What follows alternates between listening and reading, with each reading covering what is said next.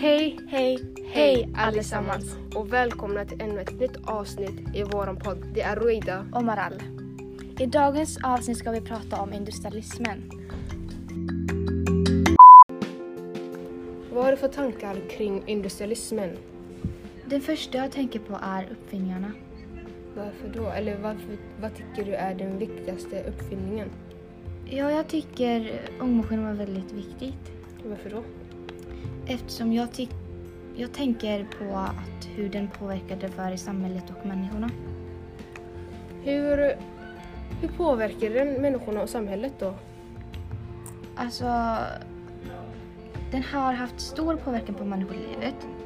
Med ångmaskinen blev det lättare att transportera människor och varor. Och denna tiden var det bara häst och vagn som det var de enda transportmedlen. Och eh, så man började konstruera många transportmedlar, till exempel tåg, så att det blev enklare för att ta sig vart man ville utan några problem. Men eh, vad har du för tankar? Jag, jag tycker, eller det som var bra är att länder tjänade jättemycket på det, under industrialismen. Ja, precis. Och det, ett- för det var för länderna som uppfann uppfinningar tjänade jättemycket. Till eh, vet du maskinen, själva ångmaskinen var både bra och dåligt. Eh, det var bra för företagsägare för de byggde industrier där de kunde tillverka varor och produkter som de, som de sedan kunde sälja billigt och tjäna in pengar. Det var dåligt för andra, till exempel hantverkarna. Ja.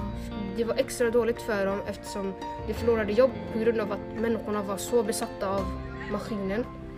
Eh, Det gjorde all jobb, själva maskinen gjorde all jobb mycket snabbare. Så det slutade med att de, det slutade med att eh, antingen hantverkarna blev arbetslösa eller jobb, du fick jobb på fabriken. ja, och de jobbar ju för väldigt låg lön. Ja, det gjorde de. De jobbade jättelänge med jätte, jättelåga lön. Ja, ja. Man kan tro att... Vad tycker du? Hur påverkar den Sara, klimatet, tycker du Sara? Om man tänker just idag. Ja, men ångmaskinen är inte så farligt. Men det är lika farligt som allt annat som förstör naturen och påverkar för växthuseffekten. Ångan är inte så skadlig för naturen, men för att få ångan måste man ju värma upp var- vatten och, den, och det tillverkades genom att elda kol. Ja, när man eldar kol så bildas ju koldioxid med eh, som medverkar till växthuseffekten och ökar och det är väldigt giftigt för till exempel växter och djur. Och det var det som var farligt. Ja, fast det är synd för folket på denna tiden visste inte så mycket om effekten. Ja. Och det är just därför många industristäder var nedskräpta och smutsiga. Ja, och just det. Och eh, ångmaskinen krävde väldigt mycket kol och bränsle. Ja, Ja, och man slutade använda det i slutet av 1900-talet. exakt. Det, det är sant faktiskt. Nu går vi till nästa punkt. Vi ska prata lite fakta om maskinen, om vem och när uppfann den. Eh, kan du berätta lite Rida? Ja, ångmaskinen konstruerades då första gången i början av 1700-talet av engelsmannen Thomas Newcomen. Men det var redan någon som hade idén om ångmaskinen under 1600-talet och det var Dennis Papin. Men det var först i 1700-talet där man fick den, den riktiga användbara maskinen. Thomas Newcomen konstruerade ångmaskinen för att pumpa vatten vid kolgruvor. Han arbetade i många år och blev klar med sin ångmaskin först 1712. Men, den, men, men därefter förbättrades den. Vem förbättrade ångmaskinen? Det var James Watt som förbättrade ångmaskinen. Ja, men varför förbättrade han ångmaskinen? Han förbättrade ångmaskinen för att Newcomens version krävde mycket energi och eftersom maskinen var stor och klumpig var den tvungen, och, var den tvungen att förminskas. Mm. Eh, vilket år kom den nya versionen? År 1869. Nästa följande fakta är då funktionen. Och här ska Maral berätta lite om hur en ångmaskin fungerar. Varsågod Maral. Ja. En ångmaskin är en motor som drivs av eh, vattenånga som motorbränsle där varmenergi förvandlas till rörelseenergi. Och en ångmaskin kräver väldigt mycket bränsle. Och ångmaskinen gör att temperaturen stiger och vattnet börjar koka och blir till vattenånga. Och det gör att eh, det skapas mer och mer ånga som från kammaren med vatten trycker en kolv uppåt. Sen sprutar det kallt vatten i maskinen och kyler ner vattenångan. Trycket kan gå ner sen, igen, och luften på utsidan av maskinen kan trycka ner kolven igen. På det här sättet fungerar ångmaskinen snabbt och effektivt och detta är grunden för fram och tillbaka rörelsen som den första ångmaskinen an använde. Ångmaskinen utvecklades av James Watt, eller hur? Ja. Men hur utvecklade han den? På vilket sätt? Um, James Watt förbättrade maskinen så att man kunde ha ett hjul eller en maskin som gjorde cirkulerande rörelser. Till sist nu kör vi då utvecklingen om ångmaskinen. Ja, varsågod Ida.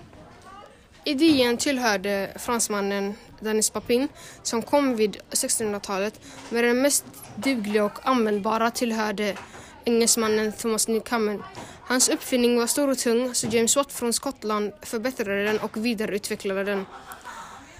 Thomas Newcomen lyckades att bygga en passande ångmaskin efter att man började klaga på vatten, vattnet i gruvorna inte gick att få bort. Thomas kände till problemet med vattnet och efter flera år med att försöka hjälpa till lyckades han att bygga ångmaskinen år 1712.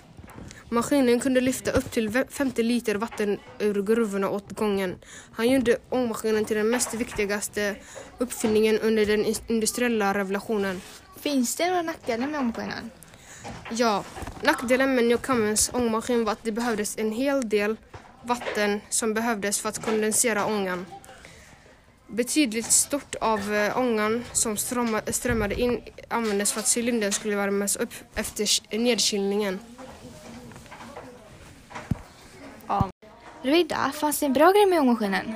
Ja, det fanns en bra grej med ångmaskinen och det var att ångmaskinen drev maskiner i tryckerier där man tryckte ner böcker och tidningar.